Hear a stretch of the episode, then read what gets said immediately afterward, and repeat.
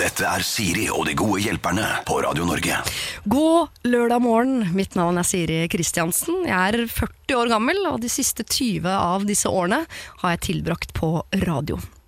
Vi skal tilbringe forhåpentligvis de neste 40 sammen her på Radio Norge, og eh, vi kommer til å bli godt kjent. Du kommer til å bli kjent med mine mange gode sider, men også mine kanskje enda flere dårlige sider. Du kommer til å bli kjent med min eh, samboer, lokføreren. Eh, han er en rolig type, en klippe, en mann med ett gir, som jeg falt pladask for nettopp på grunn av dette men som uh, også innimellom kan irritere med sitt ene gir, da man innimellom skulle ønske at han kunne gire opp i hvert fall andre de få gangene det faktisk brenner. Jeg har en sønn på ni år som du kommer til å bli sendt med. Han heter eh, Jesper. Han er en type som ofte blir misforstått. Han får skylda for det meste. Han kløner og strever seg fram med sin noe bryske fremtoning her i verden, men egentlig skylder han bare en myk, snill og følsom herlig liten fyr. Han blir glad i alle og beskytter sine nærmeste. Han er min førstefødte og min soleklare favoritt. Så har jeg en datter på snart syv. Hun heter eh, Signe, og alle faller pladask for Signe. Hun er evig sjarmerende, slipper unna med alt. Hun blender deg med sine grønne øyne og sine gylne lokker, og hun er skarp og morsom. Men hun glemmer deg idet du snur ryggen til. Hun er min eh, sistefødte, min eh, minste og min soleklare favoritt. I tillegg så kommer du antageligvis til å bli kjent med bikkja mi, som heter Bowie. Eh, Du kommer til å bli sendt med huset mitt, som alltid pusses opp til frustrasjon for de rundt. Du kommer til å bli sendt med mine venner, som både gleder og skuffer. Du kommer til å bli sendt med min familie, som irriterer og invaderer, men som også gleder og overrasker. Så skal du få lov til å bli kjent med alle mine gode hjelpere, som kommer hit lørdager og søndager fremover for å hjelpe deg. Og kanskje du nettopp da også blir bedre kjent med deg sjøl. Kanskje du da skjønner hvorfor du ikke klarte å kose deg i jula når alle andre ser ut til å gjøre det. Hvorfor du blir anspent når mannen du vet du egentlig elsker, tar på deg. Hvorfor mannen du jo elsker, ikke tar på deg lenger. Må du forholde deg til eh, den nye kjæresten til eksen din? Må du heie på sønnen din som vil i militæret?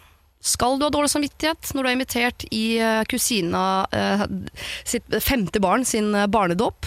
Kanskje, kanskje ikke. Kom litt an på hva dagens gode hjelpere mener. Jeg kommer til å være her, jeg kommer til å bli her, du skremmer ikke meg bort, selv med dine mørkeste tanker. Antagelig har jeg tenkt dem allerede. Siri og de gode hjelperne, lørdag og søndag fra 09.00 på Radio Norge. Eh, Jeg har fått mine to eh, gode hjelpere på plass, og det er altså da hobbykokk og eh, komiker Terje Sporsem, god dag. Hei, du. Og så er det eh, blogger og komikerfrue Marne Haugen, god dag. Hei, hei.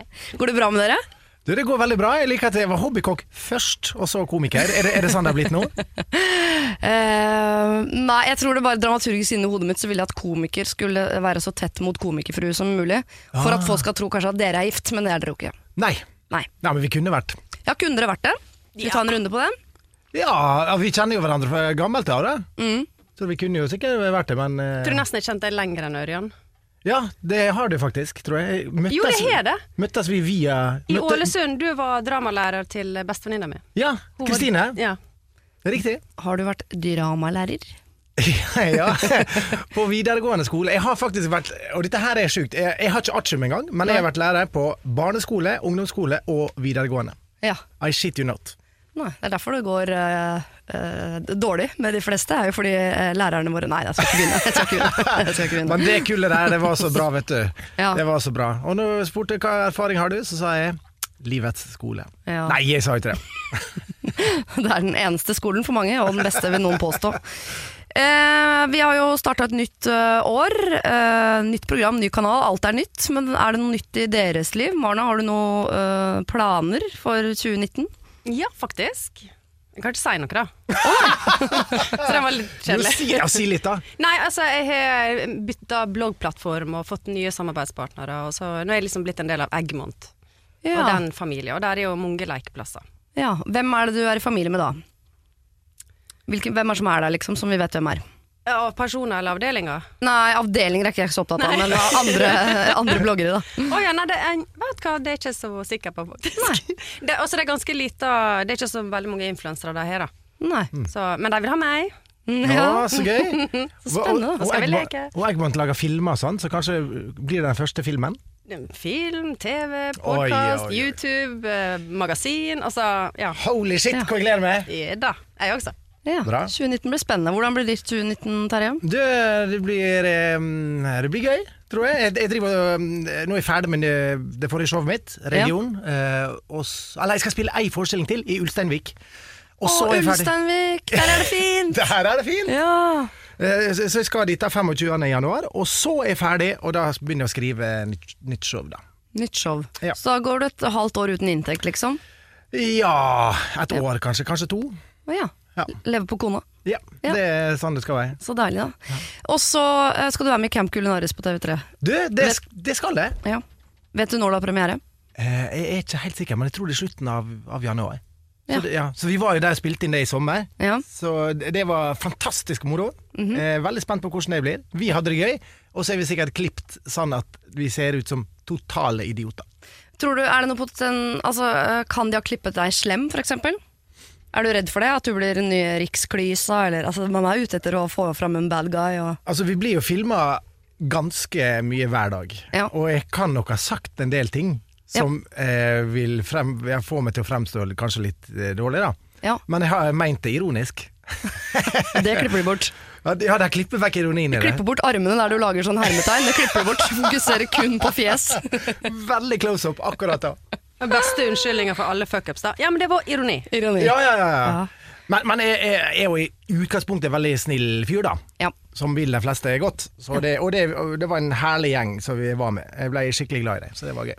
Jeg gleder meg til å se deg, selvfølgelig, men jeg gleder meg aller mest til å se Fridtjof Wilborn, Om jeg si. For han er den lengste vi har sett på TV. Ja, det, ja, ja. Uh, det blir gøy. For en fin fyr. For en fin fyr.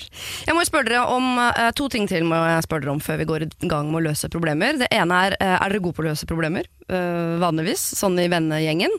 Og hvordan ser livssituasjonen deres ut? Sånn, eh, hvordan bor dere, eh, har dere barn, hvem er driften osv. Alt dette vet jeg, jeg vil bare at dere skal si det selv. Eh, hva var det første du spurte om? Det første jeg spurte, å det er så lenge siden, jeg har glemt Ja, allerede. Ja. er det, du er god på å gi råd? Pleier du å gi råd? Er du hun i gjengen, liksom? Jeg har alltid en mening om noe. Ja. Desidert. Ja. Mm. Og jeg vil veldig gjerne at folk skal gjøre det jeg mener de skal gjøre. ja. Mm. Så ganske eh, bastant, å gi mer eh, 'dette skal du gjøre', ikke sånn 'dette kan du gjøre'. Jeg er veldig velmeinende, og jeg liker å ha rett, så jeg blir sånn jeg eh, Så du gir ikke råd, du gir ordre. Nettopp. Ja. Og på privaten, hvem gir du ordre til? Har du noe eh, barn og en mann, et hus? Ja, de sier hjemme at uh, pappa bestemmer, helt til mamma ombestemmer. Ja. Så er det en mann der, uh, og dere bor i et hus. Mann og heim og unger, nyoppussa hus, litt for store hage. Ja. Livet er liksom akkurat begynt å kanskje roe seg litt ned. Legg, as legg asfalt, pleier jeg å si til folk. det gjorde vi i høst. Ja, greit. og Terje, hvordan er det med deg igjen? Det er jo en uh, kjempesekk med mye rart oppi. Ja, ja, ja. Jeg, skal jeg begynne med eh, om jeg godløser god til problem først, da? Ja. Ehm, ja. Ja. Ehm, jeg har en sånn Det er veldig mange som ringer til meg og lurer på om jeg kan gi et råd om ting, og det er veldig hyggelig. Mm. Eh, om det er gode råd, det kan vi stille spørsmålstegn om, men jeg gir nå iallfall de råd, råd jeg føler er riktig, da. Ja. Eh, og av og til så gir jeg de råda både til kona mi og de fire barna mine. Mm. Og eh, ikke til det lille barnebarnet mitt enda. Nei. Fordi eh, han er altfor liten, så det eneste problemet han har nå er Skal jeg slutte med bleie nå? ja, det sånn? ja, ja! nei, ja, det er jo et eh, mye større problem enn han kan relatere til. Det er mer sånn Vingen på den dragen her er knekt. Ja. Hva kan jeg gjøre? Mm. Kom her, bestefar skal li Oh, Så du er bestefar, far til eh, fire, bor i hus, gift, Ja. Og har en eh, hund på størrelse med en katt. Det er riktig. Ja. Ja, Bare fylle på de hullene der jeg har noe å fylle. Dette er altså de som skal være mine gode hjelpere i dag. Det vil si de skal være dine gode hjelpere. De skal hjelpe deg med de problemene du måtte ha. Det er vanskelig for oss å hjelpe deg hvis ikke du sier hva det er som eh, plager deg, så du må sende inn mail til sirialfakrøll.radio1.no eller sirialfakrøll.radionorge.no. Siri og de gode hjelperne. Dere skal få eh, dagens første problem, og det er innsendt fra en som heter Mona. Mona skriver Hei, jeg er en dame på 32 som er singel for første gang siden videregående. Jeg har vært sammen med den samme mannen hele veien, men nå er jeg altså alene. Vi var enige om bruddet, og selv om jeg er lei meg, vet jeg at det var riktig. Men hva gjør man videre nå, liksom? 32 år, singel og barnløs. Jeg er jo en prototype på en dame som får menn til å løpe for livet. Uansett, jeg er på hesten igjen, jeg har fått meg Tinder, dater når det klaffer. Og nå har jeg møtt en fyr, øh, og vi liker hverandre. Vi møtes ofte, har det hyggelig, har til og med møtt øh, noen av hverandres venner, og vi feiret nyttår sammen. Problemet er bare at han tror at en av de tingene vi har til felles, er at ingen av oss vil ha barn. Men det er jo ikke sant. Så hvordan skal jeg fortelle han det på et eller annet tidspunkt uten å skremme han vekk? Mona har smisket seg inn i et eh, liksom-forhold ved å si at hun ikke vil ha barn, men det vil hun. Ja, og Ja. eh, nå er jo vi de rette til å svare. Altså, vi har jo bare Det har spruta ut unger både fra meg og Marna Ja, i årevis her. Ja, den flokken. Ja. ja. Men da har dere jo eh, tydeligvis også møtt andre mennesker som har lyst på disse barna. Vil jeg tro. Ja, men har hun sagt til han at hun ikke vil ha barn? Ja. Det er en av de tingene de tror de har felles. Ja. Det, og sånn er det jo i begynnelsen av et forhold. Jeg husker jeg sa til han jeg er sammen med nå at jeg elsket å se på Liverpool spille fotball, og jeg fikk ikke nok av David Bowie. det er ingen av delene er sant. Ja, det, det er jo mange ting man sier i et forhold. Altså man, I begynnelsen av et forhold så gir man jo uttrykk for ting eh, som kanskje ikke er helt som det er. Mm. eh, Dette her tenkte jeg faktisk på i går, av alle ting. For da jeg møtte Katrine, i begynnelsen da var det sånn eh, Hun jobba på hotell, og jeg var eh, i showbiz, og var ute mye. Og hver gang jeg for eksempel, har vært ute og drukket litt, og var litt full, så ringte jeg til henne og sa 'jeg kommer'. Og da, først da, i ettertid, da, har jo skjønt at det var en kjempeprosess for henne. For da måtte hun løpe og dusje, og ordne seg, så satt hun og, og sminka seg og sånn. Ja. Og så lot hun sånn Sånn er jeg midt på natta! og det har jeg jo i ettertid skjønt at det er hun jo ikke. Nei. Ja, så da, la, da later hun som at sånn var det. Ja. Og det er jo litt Men det går jo an å gå tilbake på det. Ja. Eh, det har jo min kone gjort. ja, men hvis du hadde vært da et grusomt menneske, så hadde du å ja, det er sånn du ser ut uten sminke. Tror ikke det, blikk av oss, jeg går videre. Og det er jo det Mona er redd for, hvis jeg står fram med Og det er jo en litt større ting også der med eh, barn versus maskara. En større investering i livet. Uh, jeg vil ha barn. Å ja, men du sa du ikke ville ha barn.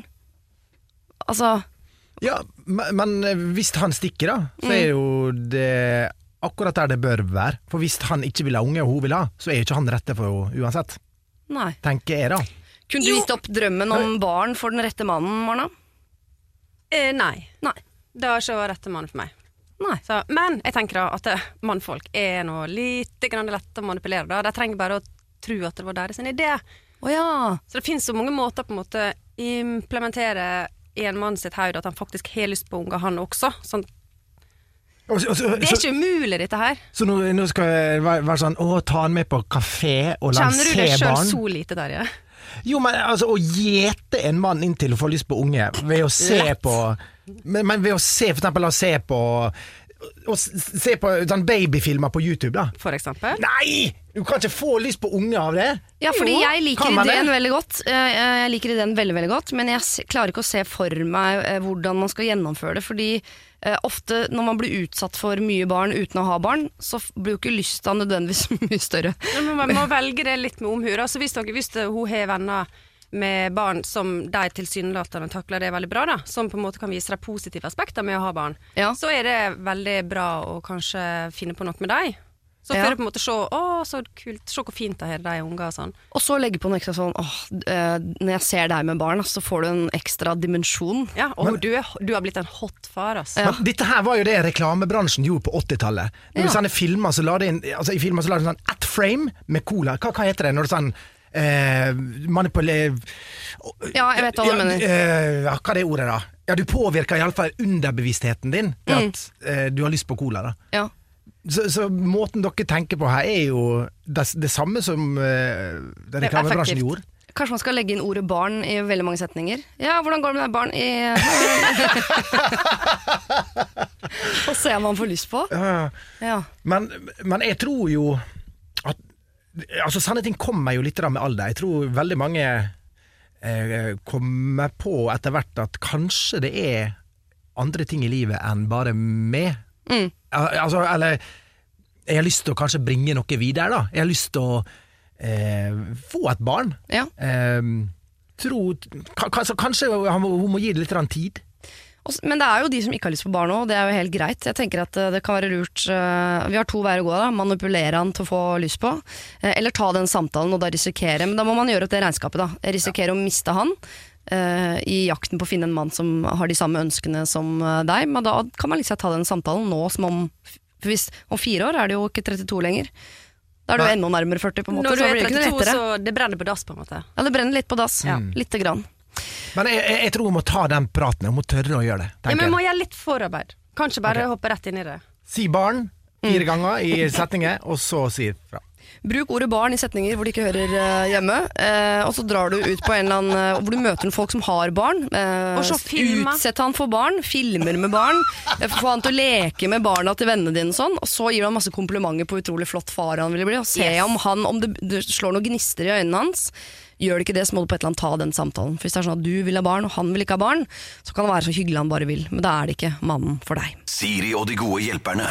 Send oss en e-post på siri at radionorge.no. Bak mikrofonene her hos meg i Siri og de gode hjelperne i dag, så har jeg med meg Terje Sporsem, komiker, og eh, blogger, eller influenser som det heter nå, sorry at jeg er så gammeldags, eh, Marna Haugen. jeg klarer ikke å kvitte meg med det ordet, jeg, prøver, jeg skal jobbe, ja, men det jobbe er med saken. det ordet. Ja.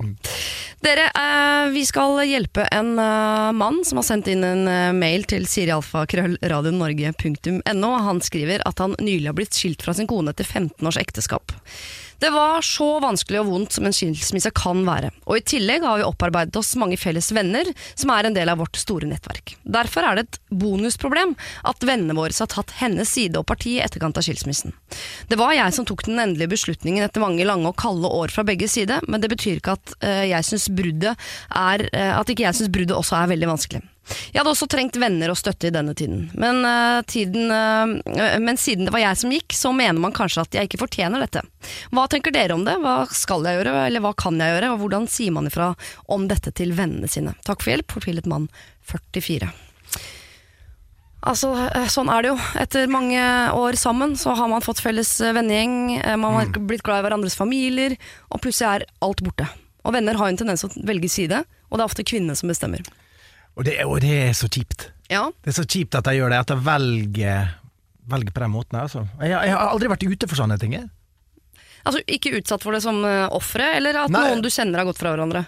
Nei, altså på, på, den, på den Jeg kjenner jo mange som har gått fra hverandre, men aldri hatt Altså, det faser jo ut kontakt med folk du kanskje ikke har naturlig vært venn med før du møtte den du har vært sammen med, da. Ja.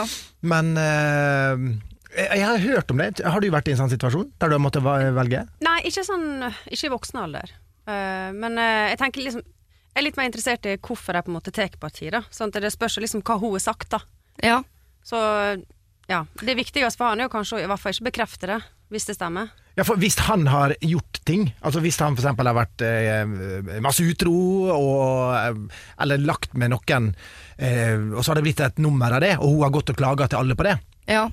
Og så Så er det jo, Nå skal jeg ikke være for fordomsfull på det, men eh, jeg kjenner meg selv at man har jo en tendens til å ofte si fra om ting som plager en til venninnene sine før man sier fra til mannen sin. Mm. Så kan nok hende at venninnene allerede syns at uh, mann 44 her har vært en litre- utrolig irriterende fyr i mange år før dette bruddet, Mm. og nå velger parti med venninnen sin. Uh, Og det da vet jeg må mennene deres bare følge med. Ja, det er jo litt sånn, er dessverre. Men så kan det også hende at ingen tenker at de tar parti, men at de snakker med den de har snakket mest med hele veien. Og at de tenker at han ikke trenger hjelp, for han sier ikke noe, eller Så det må jo være lov som å spørre og ta kontakt, si fra til venner. Det er vanskelig. Hei, jeg trenger Hei, mann 44 her, jeg trenger støtte. Den er, den er vanskelig. Ja, for det er jo er ofte det vi gjør. Altså, vi, vi søker, vi søker liksom at folk skal være på vår side. Det er jo kanskje det man gjør i en sånn situasjon. Eh, jeg vet ikke om han på en måte kanskje savner vennene, de gode samtalene. Altså, ma- mange av de som vi har fått som venner som par, da. Det er jo folk som Ok, vi kommer på middag, og så møtes vi, og så drikker vi vin en kveld, og så snakkes vi ikke på en del måneder, liksom. Men det er utrolig hyggelig når vi møtes. Sånn Ja. er jo ofte vennskap når man blir voksen, da. Jeg, nå vet ikke om vi er veldig spesielle, men uh... Nei, jeg tror det er ganske vanlig. Den der daglige kontakten er jo ikke så vanlig at man har, i hvert fall ikke som par. Har jo venninner som jeg snakker med oftere enn andre og sånn, men der, de man henger med som par, ser man jo vanligvis ikke så ofte. Uh, men er det noe han kan aktivt gjøre selv? Fordi han sitter jo nå hjemme og er lei seg og bare håper at vennegjengen en dag skal dukke opp som padder av en hatt og s- med kyllingsuppe og en skulder, liksom. Jeg tror kanskje han skal ehm, Hva er det som gjør at han på en måte tenker at de har tatt hennes parti? Eh, Kan det være bare at han tenker det? Eh, Det er ikke sikkert at det egentlig stemmer. Mm. Har han egentlig gjort noe, snakka med noen? Eh, Har han blitt, opplevd å bli avvist av disse her vennene? Jeg tenker du at han kan spørre om det? Spørre tenker- om de har tatt side? Nei, kanskje han skal spørre seg sjøl om det er virkelig sånn? Ja. Ja, det, det han i alle fall ikke må gjøre, er å spørre på Facebook. Og sånn, dere som ikke trikker 'liker', har jeg fortsatt vil jeg fjerne fra vennelisten og sånn. Det, Og det, må den er jeg det er så grusomme greier. Ja, for heller enn å bli sånn eh, For man kan jo fort bli sånn bitter og anklagende. Mm. Så kanskje det man skal Jeg liker folk som tar tak i ting, heller enn å sette seg på gjerdet og vente på at noen skal komme bort og spørre om det er noe i veien. Mm. Eh, kan ikke han by på middag, da? Invitere inn to av de gamle venneparene sine på en middag? Det er Eller jo kjempeidé!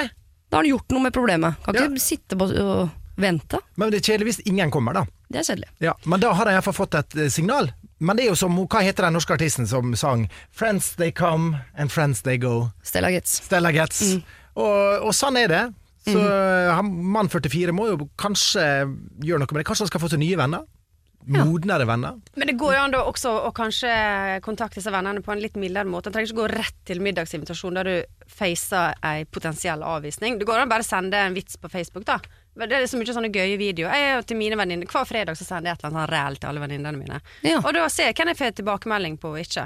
Så hvis han bare hadde sendt et eller annet til noen av vennene, så ser du hvem som gir respons, og hvem som ikke. Så kan du få en sånn indikasjon på hvem som egentlig er der og ikke er der. Men når folk ikke svarer det, da? Blir du sur på dem? Eh, Blir du tvil nei, da tenker jeg at nå var jeg kanskje litt grov. ok, ok, så det, så det var egentlig din feil, da.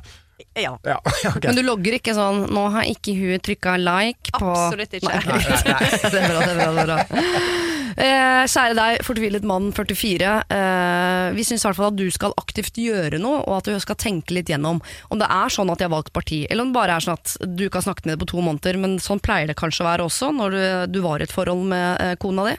Eh, ring, send en vits, altså ta et eller annet form for kontakt, og sjekk om det faktisk er sånn som du mistenker at de allerede har valgt en eller annen side. Har de valgt en side, så tenker jeg at du må ta det opp. Men eh, finn ut av det først, for vi tror nemlig ikke det nødvendigvis er sånn. Jeg vil vite hvordan det går med deg. Eh, turte du det? Sendte du en vits? Var det noe som lo? Og så videre. Du må sende meg en tilbakemelding på hvordan det går, til siri at radionorge.no. Radio Norge. Terje og Marna, vi skal en tur til uh, Tyskland. Oi! Eh, eller skal vi det, er vel eh, nesten Det problemet. hørtes ut som Viggo Valle på NRK P2. Skal Ja. vi til Tyskland, eller skal vi det? Hvor skal vi reise? Hvor skal vi reise? Eh, jeg er en jente på 26 år, samboeren min er tysk og flyttet til Norge for to år siden. Han er veldig opptatt av å vise fram Norge og inviterte derfor to tyske kompiser til en guttetur på min families hytte på fjellet i mars. Helt uoppfordret etterinviterer den ene kompisen med seg sin kone på denne turen. Og nå føler jeg at det forventes at også jeg blir med. Jeg har møtt denne kona en gang tidligere, og jeg tror vi kan konstatere at hun ikke er min sjelevenn. Hun er godt på vei eh, hypokonder, hun sutrer, smiler ikke, er vanskelig å prate med, og jeg får klump i magen av tanken på å skulle tilbringe tre dager og to netter på hytta med hun.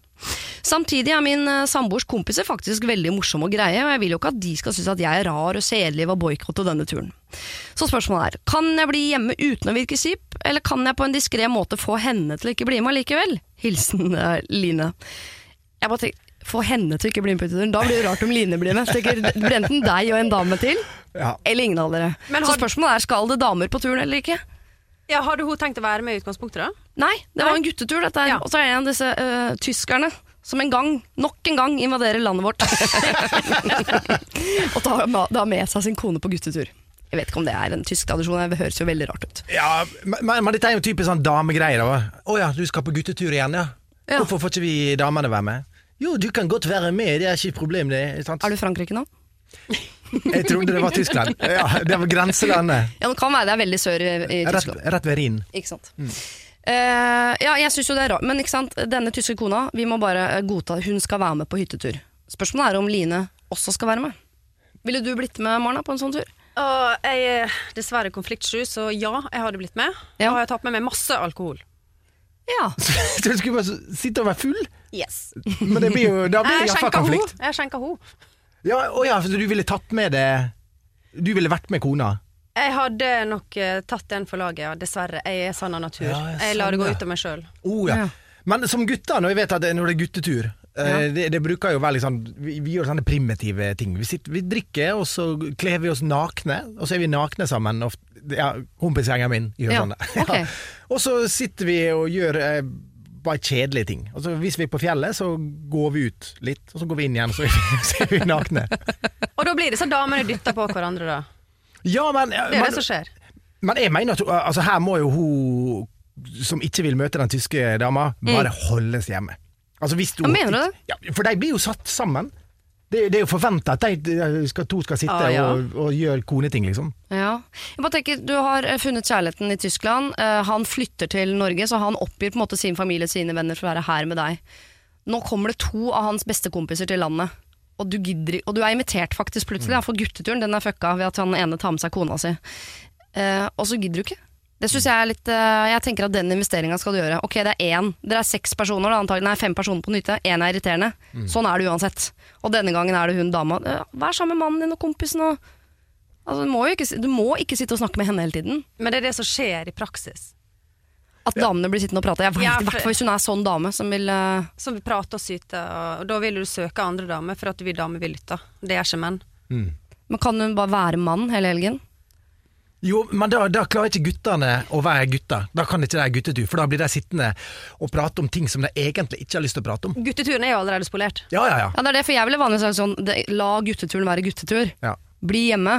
Eh, men gutteturen er som du sier spolert, Marne. Altså, det, det kommer eh, en kone fra Tyskland. Men hvis hun vet da at hun tyske kona her kommer aldri til å være venn, hva med da bare sende en melding til? Det, eh, nå er situasjonen blitt sånn og sånn. Eh, jeg tror ikke jeg kommer til å være med, så du blir eneste der. Skal gutta få lov å ha den turen? Og så kanskje vi kan gjøre en partur seinere.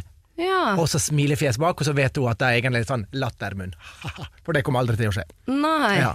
At hun lurer henne litt til å holde henne borte. Men du må ha en legitim grunn for å ikke være med. Men må man det? Ja.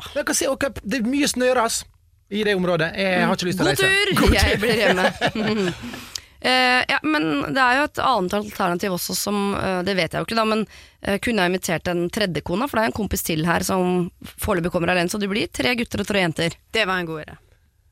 For da kan enten så er hun hyggelig, så hun kan claime den, eller så kan de to konene sitte og, og eh, snakke om vet ikke hva de snakker om, sutre om et eller annet. Og så kan hun henge med gutta. Eller så tar du med deg den venninna di som er eh, mest konfliktsky av enda mer konfliktsky enn deg sjøl. Og så kan uh, hun være med deg, og da kan hun ta over denne her kona. Ja.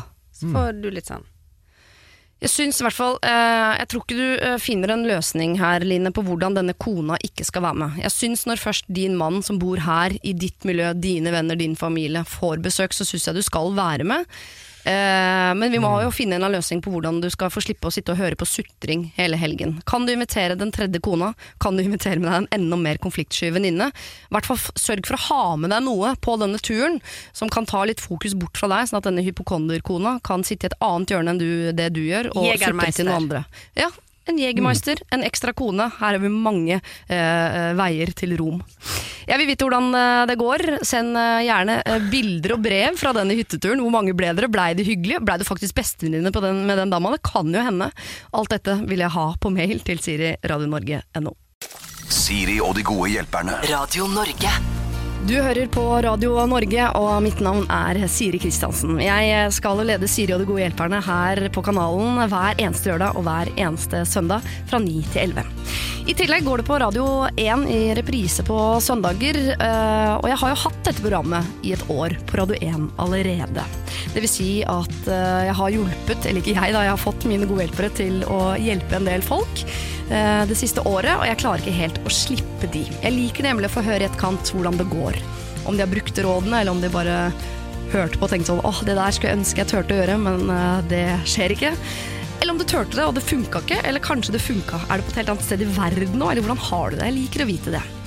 Eh, så til dere som har fått hjelp, send gjerne en tilbakemelding til meg når det er noe nytt å melde. Eh, 14. oktober i fjor så var Christian Borch og Stian Staysman hjelpere sammen. Og da ble vi kjent med en jente på 29 år som vi valgte å kalle for eh, Emma. Eh, som var i et langdistanseforhold med en eh, mann som var veldig privat.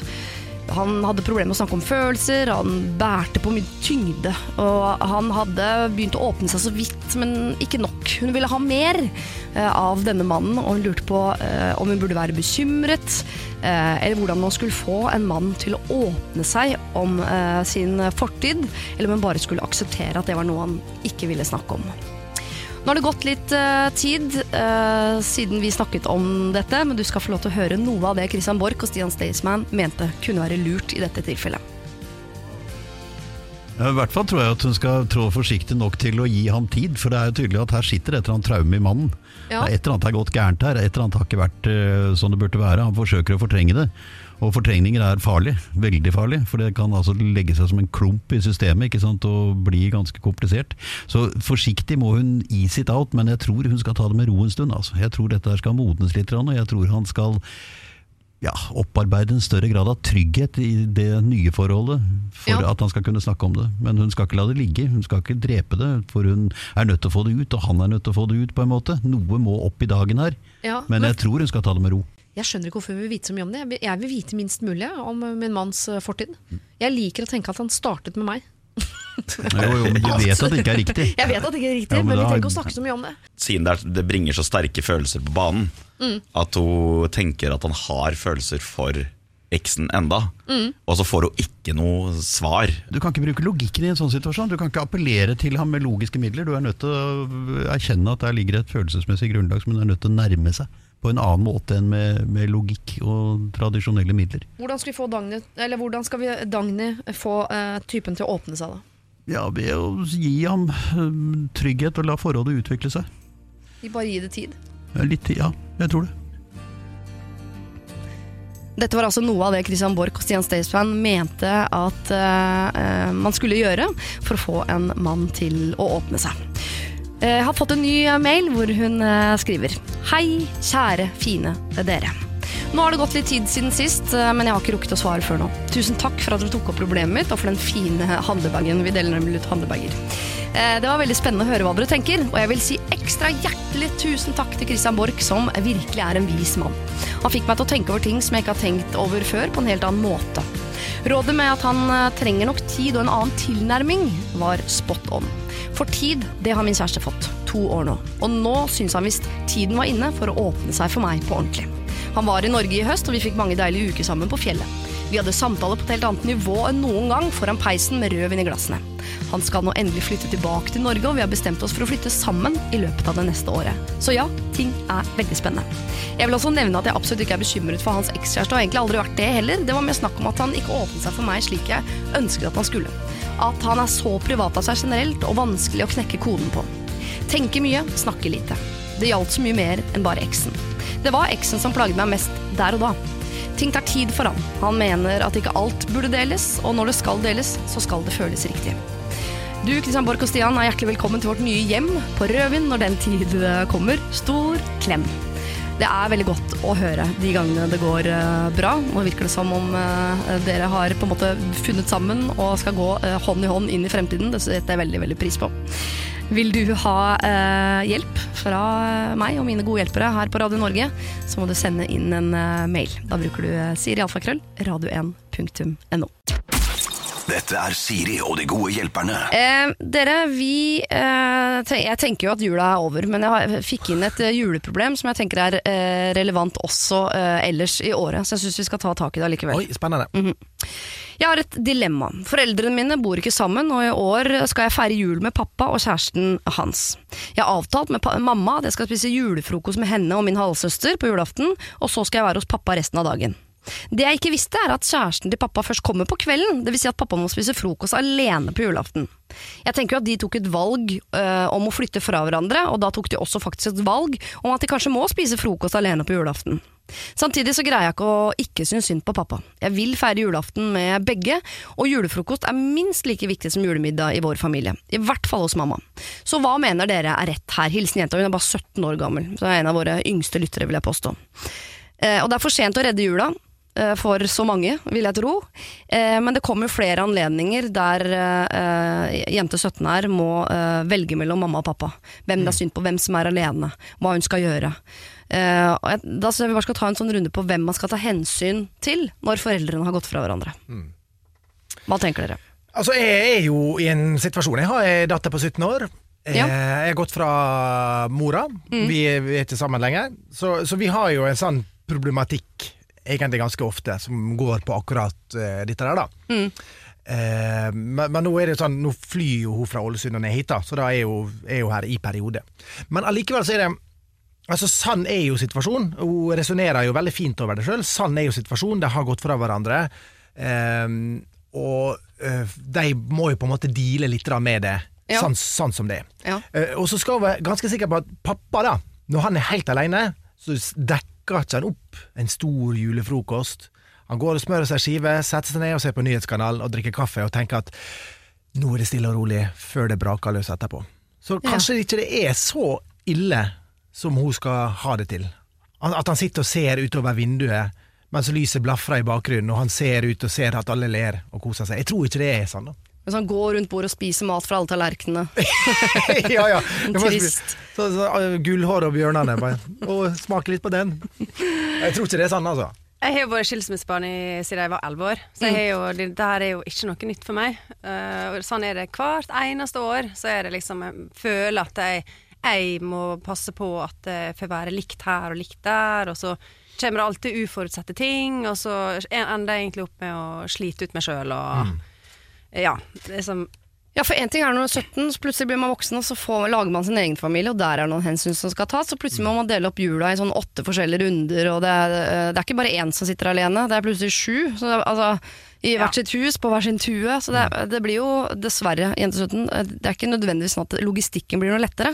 Så det vi må få, fjerne, er jo den eh, vonde følelsen av at det er du som svikter når far sitter alene. Ja, For det er det, er det virkelig ikke.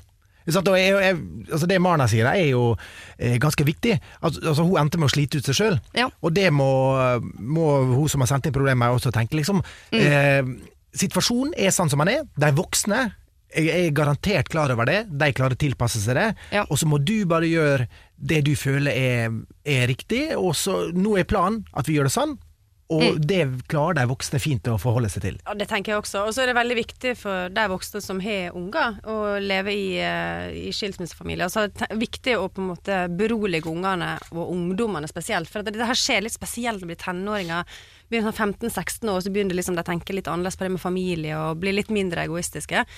Så er det veldig mye følelser i sving, og da er det kjempeviktig at de voksne tar den jobben, at de eh, snakker med ungdommene og forteller at vet hva, det går helt fint at du ikke er her på julefrokosten, og jeg gleder meg til å se deg i kveld. Ja, Så tar vi første juledagsfrokosten, den blir helt rå, på en måte. Ikke sant? Ja. Og så er det jo eh, også, Jeg tror det er noe det, i det hun sier, at dette er et valg de har tatt. Og selv om man ikke tar inn over seg alt det det eh, medfører på sikt når man tar det valget om å gå fra hverandre, så er det allikevel man vet at man har tatt valget. Så når du sitter alene på julaften og spiser frokost, så vet du at det er av et valg du har tatt selv, antagelig. I hvert fall ikke av datteren din. Hun er på en måte ikke sånn sett med i det valget. Eh, så du skal ikke ha så dårlig samvittighet, jente 17. Uh, han sitter sikkert nå, drikker kaffe, ser på nyhetskanal Ikke nå, da, fortsatt, det håper jeg ikke. Eller kanskje han gjør det nå. Men jeg regner med at han hadde en helt ok eh, julefrokost på, um, på julaften. Og neste år så er det motsatt, ikke sant. Dere må bare legge logistikken allerede nå, og legge uh, bort all skyldfølelsen, for den trenger du absolutt ikke å ha. Har du et problem, så send det gjerne inn eh, til oss. Min mailadresse er sirialfakrøll radionorge.no. Siri og de gode hjelperne. Lørdag og søndag på Radio Norge. Jeg sitter her sammen med Terje Sporsem og Marna Haugen. Dere er mine gode hjelpere også i dag. Uh, har allerede vært gjennom uh, fire problemer. Vi har gitt gode råd, vi har sendt av gårde noen handlenett. Vi har blitt sendt med eh, Line, som ikke ville på hyttetur med noen tyske folk. Mona, som har uh, glemt å nevne for sin eh, nye flørt at hun egentlig har veldig veldig lyst på barn. Men nå har vi altså da fire nye friske problemer som ligger og venter på oss. Før jeg slipper dere løs på disse problemene, så skal jeg riste litt i dere med et lite dilemma, bare for å, på en måte, for å varme opp litt. På en måte. Ja. Um, og dette er dilemmaer jeg lager ut fra mitt eget hode, så det er ikke noe sånn tiss i fryseren, fryse på tissen. Det er ikke, vi skal ikke helt ned dit. Men mer eh, kanskje eh, valg eh, man ikke må ta i livet, men, men som man kan. Aldri mer nyttårsaften eller aldri mer 17. mai. Å, oh, ja, soleklart. aldri mer nyttårsaften. Jeg er helt enig. Ja. Aldri mer nyttårsaften. Hvorfor? Og jeg tok meg sjøl i år å bli litt irritert. Fordi eh, hvorfor, hvorfor tenner vi på alle pengene våre? Sånn som vi gjør. Altså, vi går og kjøper Nå er Sunnmøre på plass. ja, men, Ja, men ja, dette har jeg aldri tenkt på. Altså, det er to sunnmøringer her, jeg er helt enig. Altså, kjøpe sånn altså, Vet du hva det koster for en sånn stor batteripakke? Tusenvis av kroner! 1200. 1200, så Yes. tenner du på, og så er det borte på ett minutt, og så tenker du ja! Ja. Nei, jo, du det høres jo rart ut. det, kunne vært litt finere. Ja, for du blir aldri helt fornøyd. Nei. Neste Ja, år det er akkurat ikke som på Disney, liksom. Det beste fyrverkeriet er jo i tegnefilm. Så man blir jo litt skuffa. Jeg, det er jeg enig jeg trenger ikke være sunnmøring for å, å være med på at det er litt rart å gå inn i en butikk og si sånn Har du noe veldig dyrt som jeg kan brenne opp? ja, veldig fort. Og likevel da, så er sunnmøringer kanskje de verste til å kjøpe fyrverkeri, da, for vi skal nå konkurrere litt. Grann, det. Ja, ja, ja, men det var, det var tidligere da du kjøpte bare sånne hylere. Sånn, ja. De er farlige, jeg har ikke fått med det. er det det? Jeg tror ikke det er lov lenger. Nei, jeg nekter å tro at den var farlig i forhold til nok, mye av dette tinga som Altså, Pinneraketter er det forbudt, men uh, hylere er vel egentlig ikke noe bedre. Nei, men barna mine ble, var, ble skutt på av en full fyr med et sånn batterikasse som velta. Jeg håper jo å slå ned en fyr jeg, for noen eh, nyttårsaftener siden. Uh, dere var ikke i sonen, fordi det der er min mann. Eh, eh, altså, var det i år? Hæ? Nei, det var noen år siden. Det var ikke han. Min kjæreste, lokføreren, deilig fyr, rolig type, skulle fyre av et sånt batteri, og jeg er ikke ute klokka tolv på nyttårsaften, skal dere være klar over. Da er jeg inne, men eh, ikke nødvendigvis mine barn, men de barna som vil være inne, de er inne sammen med meg. Eh, og bikkja, da. Men eh, da gikk da lokføreren ut, satte batterikassa på fotballbanen, Oi. og det gikk opp to raketter. Og så hvelver hele batteriet mot en folkemengde og en mann som sitter eh, med beina i gips i en stol inntil en vegg litt lenger ned. Og, og jeg vet ikke hvor mange eh, raketter det er i en sånn kasse, men det var, altså, det var hysterisk stemning. Han traff dattera til en kompis i bakhjulet, og alle dattera vår hylgrein, og det var sånn ordentlig uh, God gammeldags dårlig stemning. og min stakkars mann syntes alt er flaut. Sto med henda i lomma og tenkte sånn Jeg håper du er over snart. Jeg håper det er over Å oh, nei! Ah. Hvordan gikk det da? Ble noen skada, eller? Nei, det gikk veldig bra med alle, selv om vi har traumatisert en generasjon da, for livet. Men eh, Ble folk sinte på han, eller? Jeg, veit ikke. Har ikke eh, gått eh, og banka på og spurt. Ja, men- Sikkert. Men han som gjorde det her var full, så jeg, ang jeg angrep han jo der og da. Ja. Holdt på å fly på han, for han var uvørlig. Så jo, ting kan jo skje, og det vet vi. Ja. Eh, men eh, derfor vil jeg da, mye på grunn av dette her, Mm. heller ikke feire nyttårsaften enn 17. mai, og også fordi jeg har bursdag 17. mai. Nei, har du? Mm. Åh, men dere er glad i 17. mai? Dere blir altså i godt humør av 17. mai, på en måte? Veldig. Ekstremt. Ja. Ja, det- Kjempekjekt. Da feirer vi landet, vi feirer grunnloven. Med ikke- kanoner uten raketter. Ja. Ja. Og, det, ja, og vi feirer ikke at vi skal begynne å skrive et nytt tall, bare. Nei, jeg skjønner. Altså, eh, har med meg da som god hjelper i dag eh, komiker Terje Sporsem og influenser Marna Haugen, som foretrekker 17. mai framfor eh, nyttårsaften. Og da er det jo deilig å vite at nyttårsaften er bak oss, 17. mai er foran oss. Vi skal gjennom eh, mange problemer her i dag fram mot klokken eh, 11, men send gjerne inn dine problemer, for jeg skal være her hver eneste lørdag og søndag framover. Siri alfakrøll, radionorge.no. Siri og de gode hjelperne. Jeg vil spørre deg først, eh, komikerfrue Marna Haugen. Har du en tendens til å falle for eh, myke menn eller bad guys? Og dessverre en del bad guys i historikken min, altså. Ja. Ja, men uh, han er her nå, han starta bad, og så ble han jammen ganske soft til slutt. Ja. Måtte jobbe hardt. Knan. Ja da. Heve flere ganger. Inn og ut av mikroen. Som en god, god deig. Noe gjær igjen, så bare heve han og bli myk Ja, ja. og god. Sant? Putt inn i den formen jeg vil, så blir det bra til slutt. Har ikke du litt den samme reisen, Terje? Har du vært bad guy og blitt myk, eller åssen er det med deg? Nei, jeg later som jeg var bad guy, men jeg har Ja. alltid vært myk. Alltid vært myk. Ja, så, Men vi, jeg og Ørjan, som Marna er gift med, vi hadde jo Judas, og da var vi liksom den kule, kule gutta i klassen og sånn. Ja. Eh, men jeg syns jo det var flaut. ja. Altså I ettertid, og så mye av de tingene vi gjorde når vi laga Judas, som var litt sånn Jackass-aktig, Ja. kunne jeg aldri gjort det i dag, liksom. Nei. Altså, jeg, jeg, jeg, Sånn som nå, nå bare, når jeg tenker på noen av de tingene, jeg får litt sånn harehjerte. Ja, men det var mye naken òg, var det ikke? Mye naken. Mye naken. Veldig mye nakne. Veldig mye naken. Uff. Dere, vi skal hjelpe en uh, som vi kan kalle for Anna. Hun er 25 år uh, gammel og skriver. De siste årene har jeg hatt- et par useriøse fysiske forhold med menn som mange nok vil beskrive som bad guys. Frekke, uempatiske og egoistiske, men med et sjarmerende uh, og selvsikker væremåte eh, som jeg faller for. Jeg syns ofte folk som er direkte og småfrekke er spennende. Andre menn blir liksom kjedelige til sammenligning. Og så blir jeg utrolig irritert på meg selv for at jeg har det sånn. Jeg kjenner igjen disse typene når jeg ser dem, og innser ofte tidlig at jeg kommer til å bli såra. Men jeg syns det er vanskelig å avslutte forholdet likevel. For det er jo så gøy når det er gøy! Og det er jo ofte også et lite håp om at det skal bli annerledes denne gangen. Så Jeg lurer på om dere vet hva jeg kan gjøre for å bli kvitt denne tiltrekken mot såkalte bad guys, eller klare å avslutte forholdet i tide når jeg ser at det går i retning av at det er jeg som blir såret. Jeg vil være anonym, men dere kan kalle meg Anna. Hun er 25. Jeg bare står i hjørnet mens dere prater.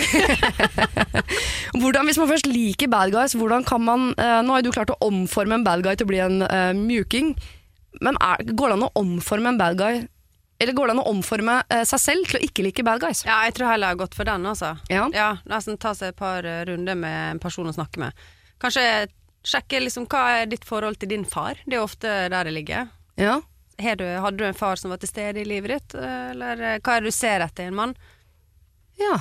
Ja, vil man på en måte omforme en mann? Er det, er det derfor man ofte går til folk som er bad guys, liksom? Eh, altså Når man sender brev til noen i fengsel som er massemordere, er sånn 'Jeg kan gjøre vedkommende bra igjen'? Er Nei, det, da er du ganske fucka i hodet. Sorry, altså. De, de folka er men er ikke det litt Ja, det er de samme mekanismene, da? Jo, men det er et ønske om å se det gode i folk og tenke at uh, jeg, tror det er det, jeg, jeg tror det er det behovet for å være den rette. Så den rette at du er villig til å eh, gå fra monster til prins for meg, på en måte. Ja, men altså Det er forskjell på å, sende brev til en i fengsel enn å bare falle for en mann som er naturlig dominant. Ja. For det er jo egentlig det du er ute etter, en trygghet. En person som på en måte kan, kan eh, eh, Ja, være litt sånn alfatype, da. Det ligger jo dessverre i vår natur at vi på en måte tiltrekkes det. Ja, Ja, men men, vi må jo ha litt fornuft også, da. Men man kan jo være alfahann uten å på en måte slenge drit og være dominant overfor andre eh, gutter, da, for eksempel. Ja, altså Alfaene de er jo ofte så opptatt av seg sjøl at det går utover alle andre rundt dem. Men den som er på nummer to og nummer tre, det er dem man egentlig skal gå etter. Altså, I sommer så var jeg sammen med da, kanskje Norges største alfa. Ikke på den måten. Utsi? Nei, Jeg bare gjetter. du tenkte Nils Utsi, skuespilleren som nylig døde, eller? Nei, jeg tenkte på han uh, Ja, han yrkeskriminell raneren. Ja. raneren. Ja. Mm. Emil Valhalla Mek ja. Var, jeg hadde gleden av å være sammen med mange uker i, i sommer. Uh, er sånn alfahann, er intimiderende i utgangspunktet, men altså verdens snilleste og artigste fyr. Jeg, jeg har ikke flira så mye sammen med noen på lenge. Nei. Og han, han er stor og jo- holder på med ting som er liksom eh, litt svært og alfahannaktig, da, som MMA. Men han, er, men han bruker ikke det, for han, han er bare naturlig snill og god, da. Men er det de man må finne, men jeg tenker at de er det ganske få av. Og vi er mange som har lyst på han uh, Utsi. Nei, det, det vet jeg ikke om det er så mange som vil. Uh, men, men det er jo mange som Anna som faller for bad guys, men som egentlig vil ha en snill mann. Og da må du finne de som eh, har den sjeldne kombinasjonen. Og det, jeg tror ikke det er veldig veldig mange av de, for å være helt ærlig. Så det beste hadde jo vært, fordi det er vanskelig å gjøre om folk, selv om du har klart det, Marna, gratulerer, eh, så tror jeg Anna må gjøre om noe i seg som gjør at hun også kan falle for gutter som ikke er bad guys, uten at det blir kjedelig. Og så kan jo det hende at det fins en eh, og annen type der som på utsida ser litt kjedelig ut, men som egentlig er ganske tøff, altså. Ja.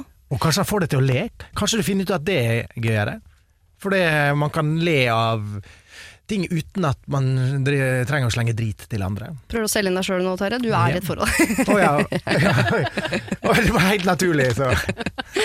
Hei, jeg er en uh, singel mann fra Ålesund. Men jeg syns også det er noe fint i det du sier, Marna, om å se eh, to steg bak. Fordi jeg, jeg, vet ikke hvorfor, men jeg er så heldig at jeg alltid har blitt forelsket i ikke lederen i gjengen, ikke flokklederen, men han trofaste kompisen som står litt på sida.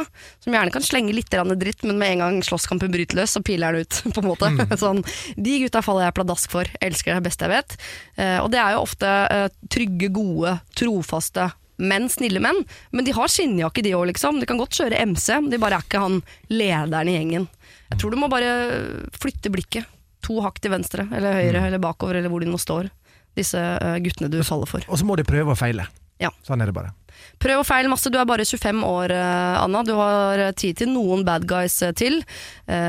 Og kanskje en av de omformes. Det har jo Marna klart, så det er ikke umulig. Eller kanskje finner en god kombinasjon, som Meek. eller Mek. Meek? Mek. Han heter egentlig Olsen. Olsen, ja. Som Olsen. Eller begynne å se to steg til siden for han fyren du normalt faller for. Og så er det ingen skam å snu. Midt i et forhold, nei.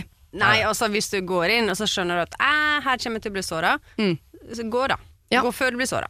Gå før du blir uh, såra. Det er lov Sår. Og slå opp på SMS. Gå før det blir sår.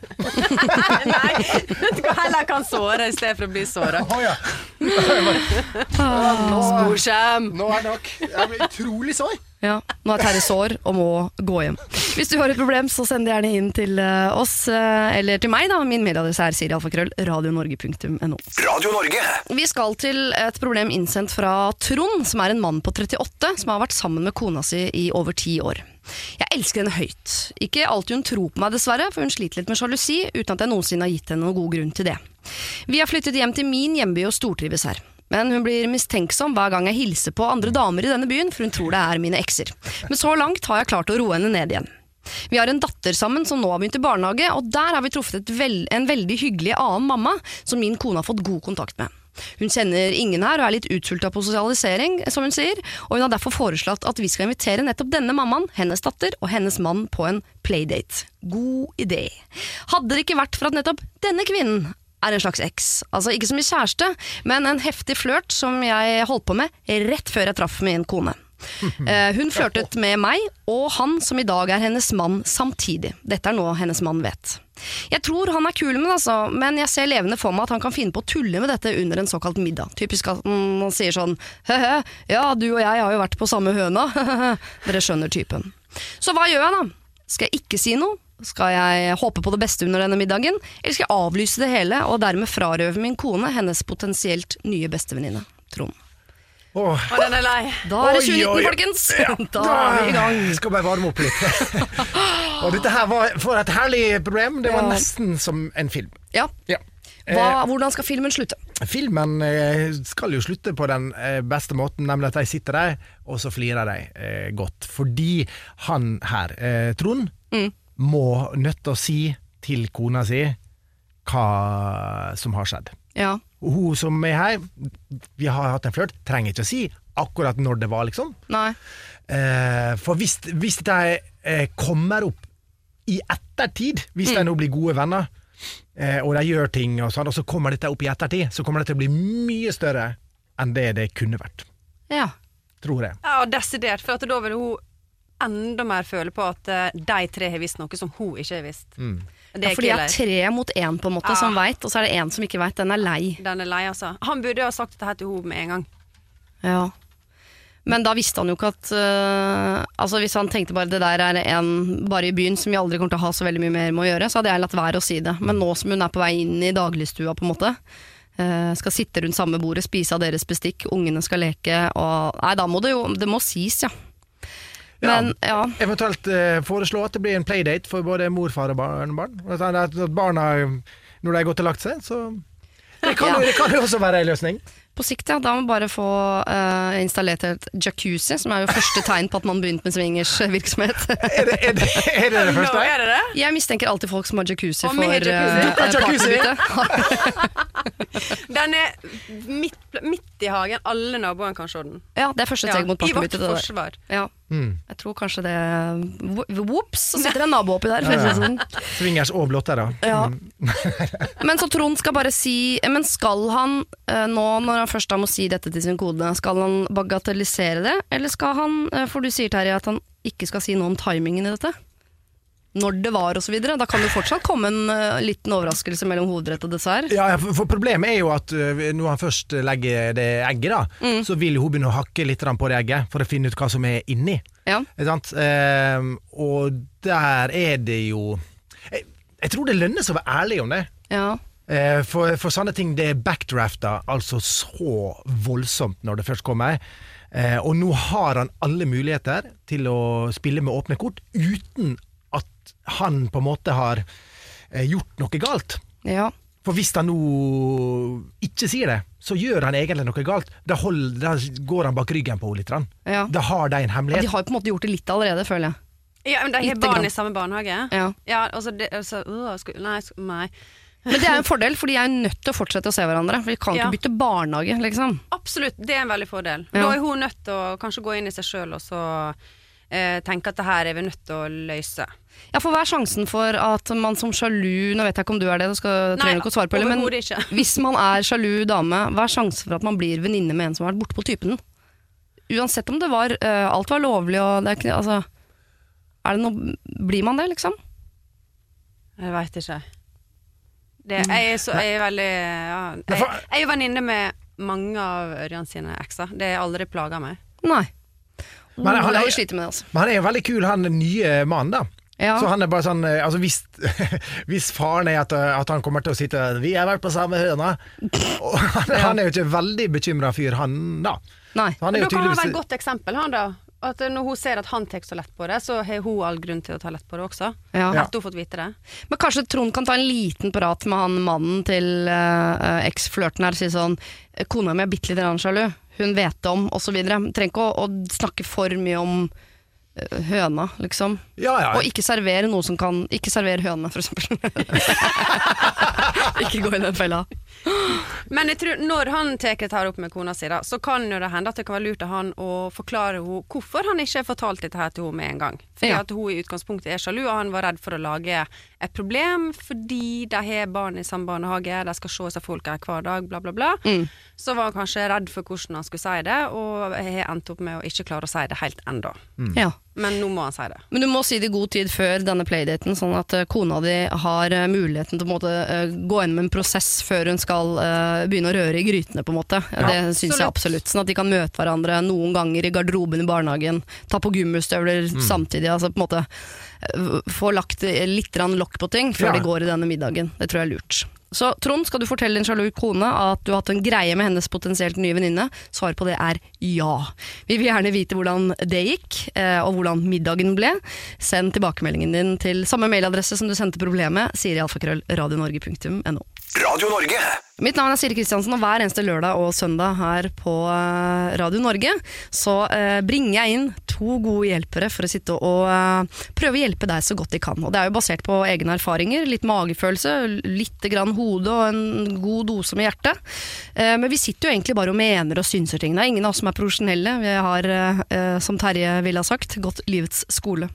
Men så er det noen som er profesjonelle, på en del ting. Vi har noen som er profesjonelle på eh, samliv, noen som er profesjonelle på syke, noen som er profesjonelle på sex, noen som er profesjonelle på kommunikasjon, noen som er profesjonelle på uh, hva du skal spise, hvordan du skal trene, og forskjellige former for hvordan du bør leve ditt liv. Jeg har tenkt nå eh, framover å høre med en del av disse såkalt profesjonelle uh, hva de ville ha sagt hvis jeg ga dem muligheten til å snakke til det norske folk. Altså se for deg at vi samler hele Norge inn i en gigantisk hall.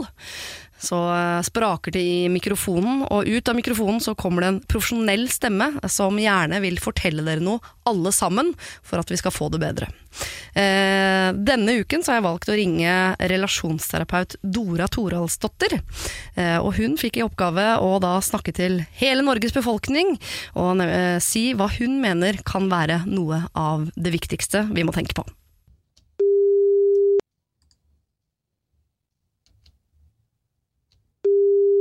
Jeg hadde samla hele Norge foran meg, så hadde jeg hatt hovedfokus på at vi trenger å være litt rausere med hverandre. Og for å kunne bli rausere med hverandre, så trenger du faktisk å begynne med deg selv. Så for at vi skal få et bedre samfunn hvor det er bedre for alle å leve, så handler det om at du er raus med deg selv, at du er forståelsesfull overfor deg selv, at du er snill med deg selv, for da blir du det automatisk med andre. Og vips, så får vi et mye mer hjertevarmt samfunn. Det var eh, Dora Torasdottir, som blant annet er relasjonsterapeut, i tillegg til så mye annet. Hun vil altså at vi skal være rausere med hverandre og rausere med oss eh, selv, og det kan være et fint eh, råd å ta med seg inn i 2019. Eh, vi går videre her i Siri og de gode hjelperne med flere problemer. Terje og Marna skal få lov til å hjelpe flere. Og jeg vil også gjerne hjelpe deg hvis det er sånn at du har eh, et problem du ikke har delt med oss eh, ennå, for jeg er her hver eneste lørdag og hver eneste søndag, så ikke slutt å sende mail. Min mailadresse er eh, siri.alfakrøll.radionorge.no. Siri og de gode hjelperne. Lørdag og søndag på Radio Norge. Mitt navn er eh, Siri. Eh, Jeg leder Siri og de gode hjelperne her på Radio Norge hver eneste lørdag og søndag. Premierehelg denne helgen, og da har jeg vært så heldig å få med meg eh, to gode håndplukkede hjelpere. Terje Sporsem, komiker, og Marna Haugen, influenser. Um, Jannicke her lurer på om hun skal bli mor eller ikke. Hun skriver Jeg er en jente eller kvinne på 31 som har vært i et stabilt forhold i ca. fem år. Vi har sikker jobb begge to, hus og relativt ok økonomi. Problemet mitt tør jeg ikke å si til noen, da jeg føler at det er feil følelser. Jeg gruer meg til å få barn. Jeg gruer meg skikkelig, og jeg klarer ikke å få koselige tanker om eh, små nurk som er halvparten av meg og halvparten av deg, osv. Jeg er uendelig glad i mine mange tantebarn, Jeg elsker å leke med dem, være sammen med dem, men jeg liker også å kunne levere ansvaret fra meg. Jeg ble helt på gråten av glede alle gangene mine søstre proklamerte sine graviditeter, men jeg klarer ikke å føle den samme gleden om tanken på min egne eventuelle graviditet. Kjæresten min er et unikum. Han har gledet seg til å bli far lenge, og har flere ganger uttrykt hvor mye han ser frem til den dagen. Jeg blir helt stressa av tanken og prøver fortest mulig å snakke om noe annet eller spøke det vekk. Problemet mitt har eskalert den siste tiden, da jeg tror jeg faktisk er gravid. Jeg føler meg strippet for moderlige følelser, og jeg kjenner meg som et iskaldt menneske når andre sliter i årevis for å få det til. Men så sitter jeg her da, og nesten håper på det motsatte. Jeg har ikke sagt noe til han eh, om dette foreløpig, og jeg vet egentlig ikke hva jeg skal spørre om heller her. Er jeg den eneste dama som har det sånn? Eh, Vil jeg klare, eh, klare det? Er jeg skikket til å være mor? Vil jeg klare å kunne glede meg over dette barnet? Hjelp, jeg trenger noen positive tanker. Jannicke er usikker på om hun skal i det hele tatt si til sin mann at hun er gravid, og er redd for, dersom hun velger å beholde dette barnet, om hun øh, kommer til å bli en god mor, om hun blir glad i barnet osv. Vanskelig å svare på, men vi kan jo prøve. Jeg vet ikke om jeg så nyttårstalen til Erna Solberg. Nei, jeg gjorde ikke det. Nei. Snakket hun om akkurat dette? Mere barn. Mere barn, oh, ja. fød barn!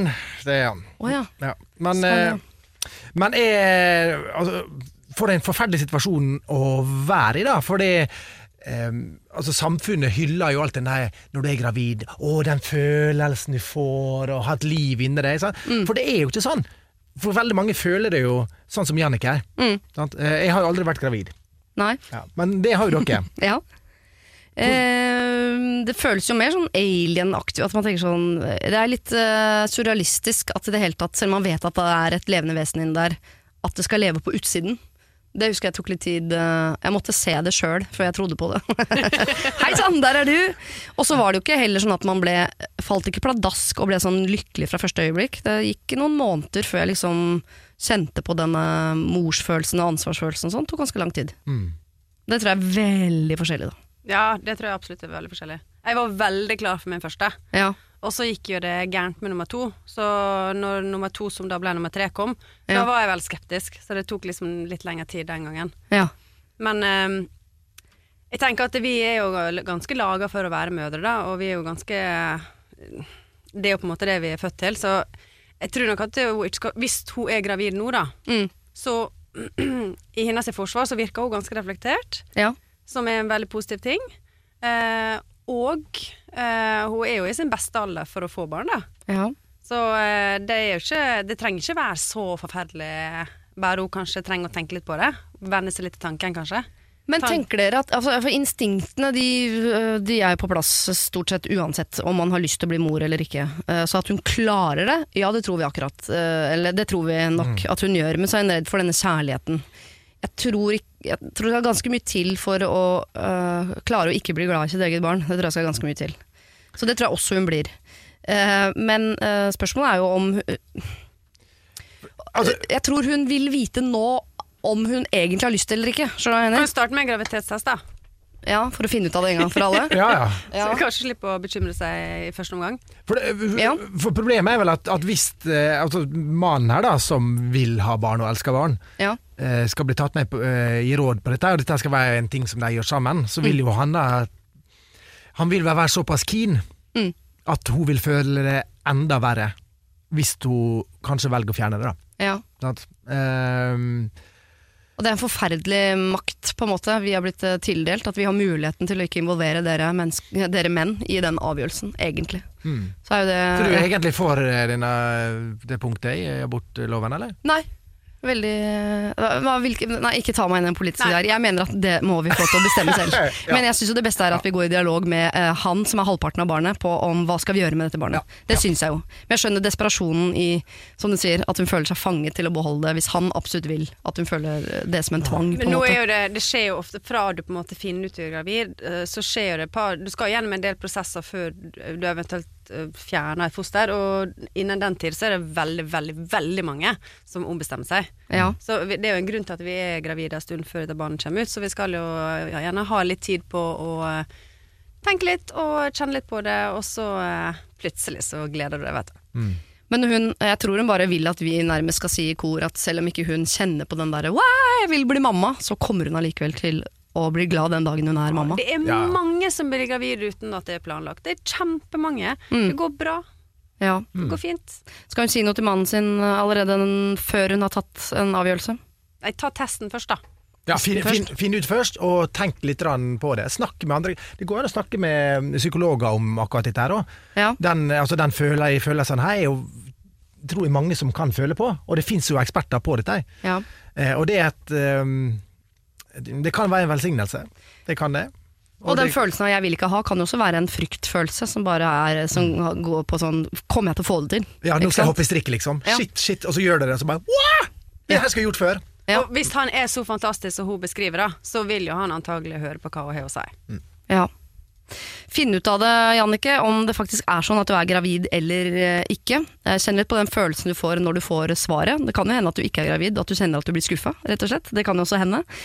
Ehm, og så syns vi jo at du bør involvere mannen din på et eller annet tidspunkt i denne prosessen, og vi føler oss helt trygge på at selv om ikke du er en sånn wow, på akkurat det der med unger nå, uh, så er vi ikke i tvil om at du selvfølgelig kommer til å få de moderlige instinktene og også den moderlige kjærligheten hvis da dette barnet en dag blir en eh, realitet.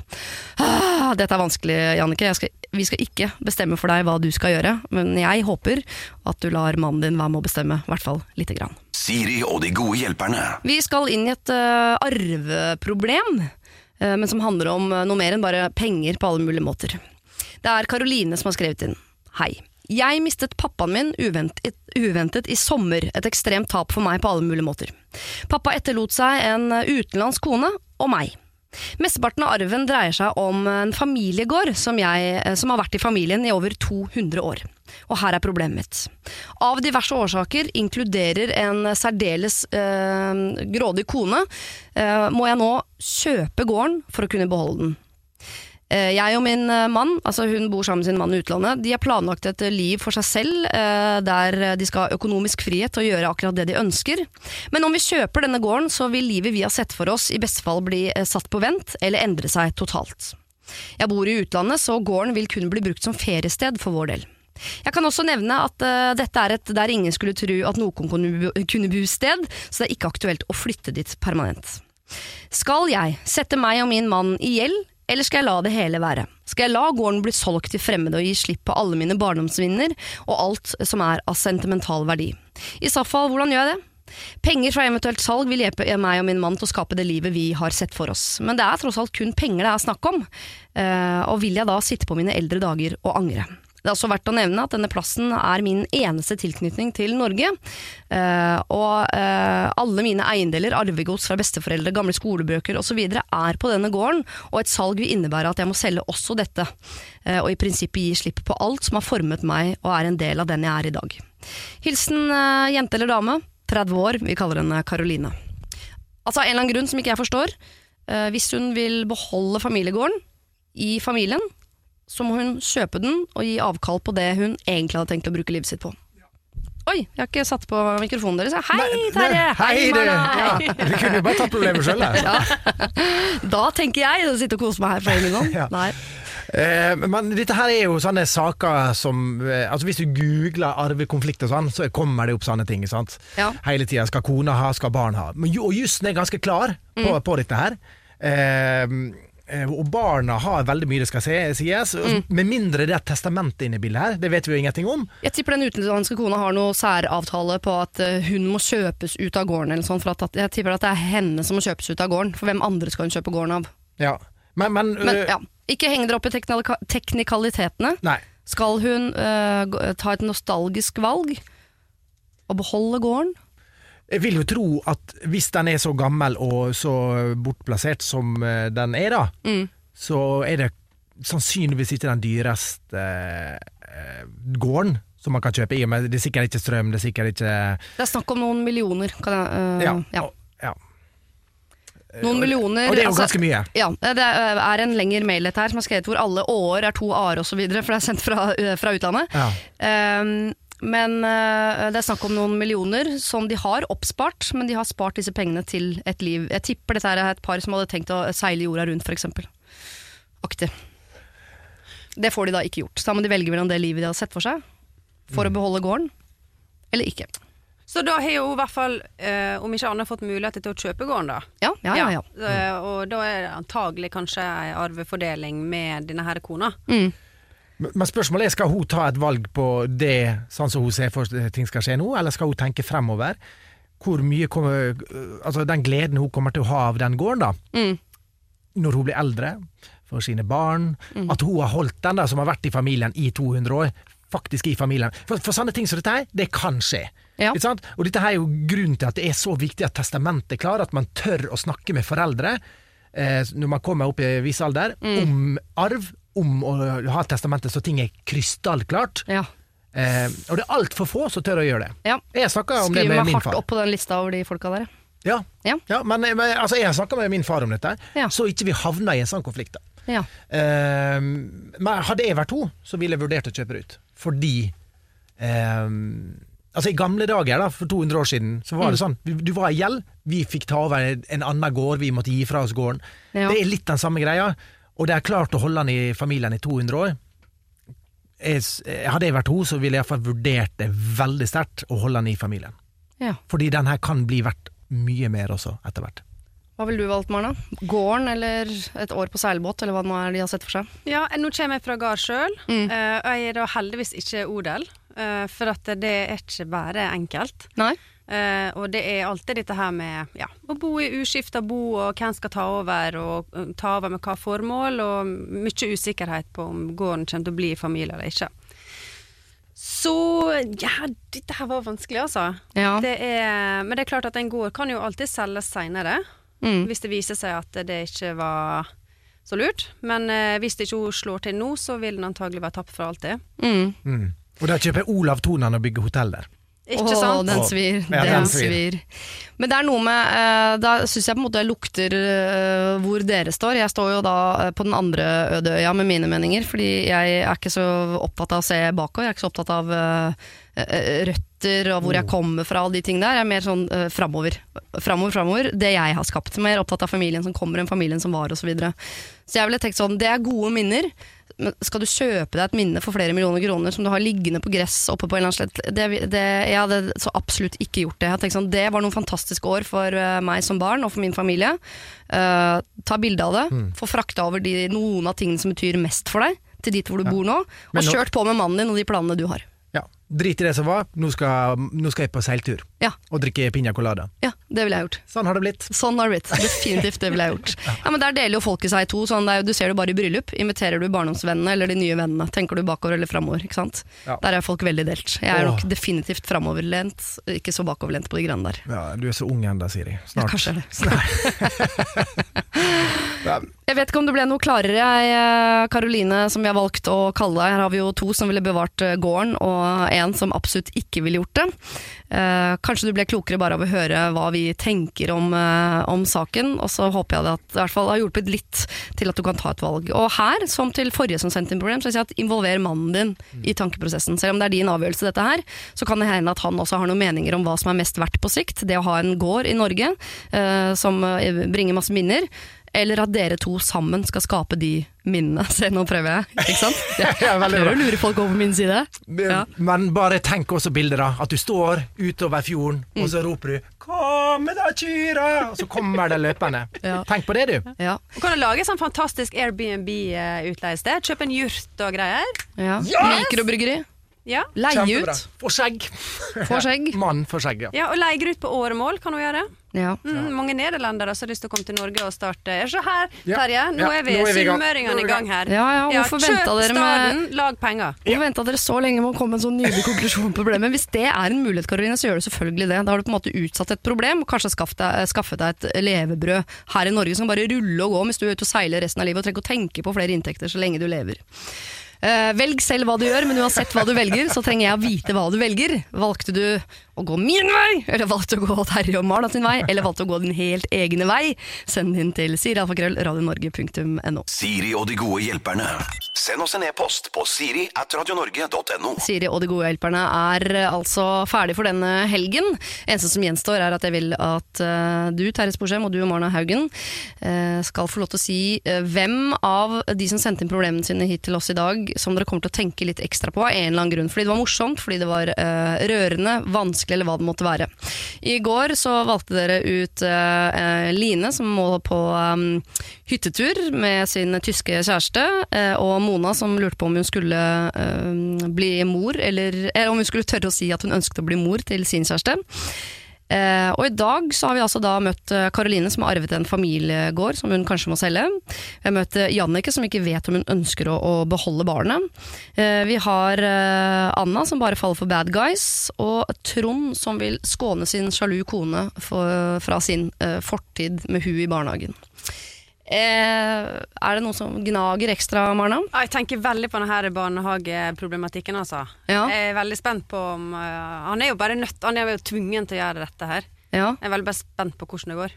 Ser du for deg at kona til Trond og denne dama i barnehagen kommer til å bli bestevenninner? Det håper jeg virkelig for deres skyld. Ja, det håper jeg Da må hun gå litt inn i seg sjøl, denne her sjalukona, og er nødt til å ofre litt. Ja. Så blir det bra, vet du. Det beste vennskap er jo ofte vennskap som er etter at det har vært et eller annet vanskelig der, og så har man giddet å jobbe seg gjennom det, på en måte. Yes. Ja. Terje? Jeg, jeg går nok eh, mot vårt siste problem, eh, arveproblemet. Eh, og, og, og det de, de eventuelt kan få, det, det handler nett med Siri og de gode hjelperne på det. Da syns jeg hun skal få det, og så kan hun den kjøpskontrakten på den familiegården som hun har, kan hun ha i den, eh, det nettet. Ja. Oppbevare det for evig og alltid. Og henge det på veggen. For det er litt sånn norsk, det ser veldig sånn norsk ut også. Kan være et minne fra Norge også, som man kan henge på veggen. Og så kan vi komme på besøk når hun har lagt ut eh, denne her gården på Airbnb. Ja. Jeg, tror, jeg, jeg har veldig lyst til å gi til, for, for det er en vanskelig problemstilling. Mm. Det, det, altså det er masse historie du må tenke på, du må tenke på fremtid, og midt i det så står du og prøver ditt ditt eget liv. Ja. Da syns det at hun fortjener for, altså Valget er så vanskelig. Hun fortjener en, Et handlenett. Et Et handlenett handlenett. Med Ja. kjøpskontrakt i. Med kjøpskontrakt. Ferdig. Signert at det er Terje Sporsem. Ja. Tusen takk for at du eh, ville være, ville være mine gode hjelpere her denne helgen. Eh, tusen takk for gode råd, god magefølelse, at dere har delt av erfaringer osv. Så, videre. så håper jeg dere har lyst til å komme tilbake en annen gang. Ha det bra! Ha det. Dette er Siri og de gode hjelperne på Radio Norge.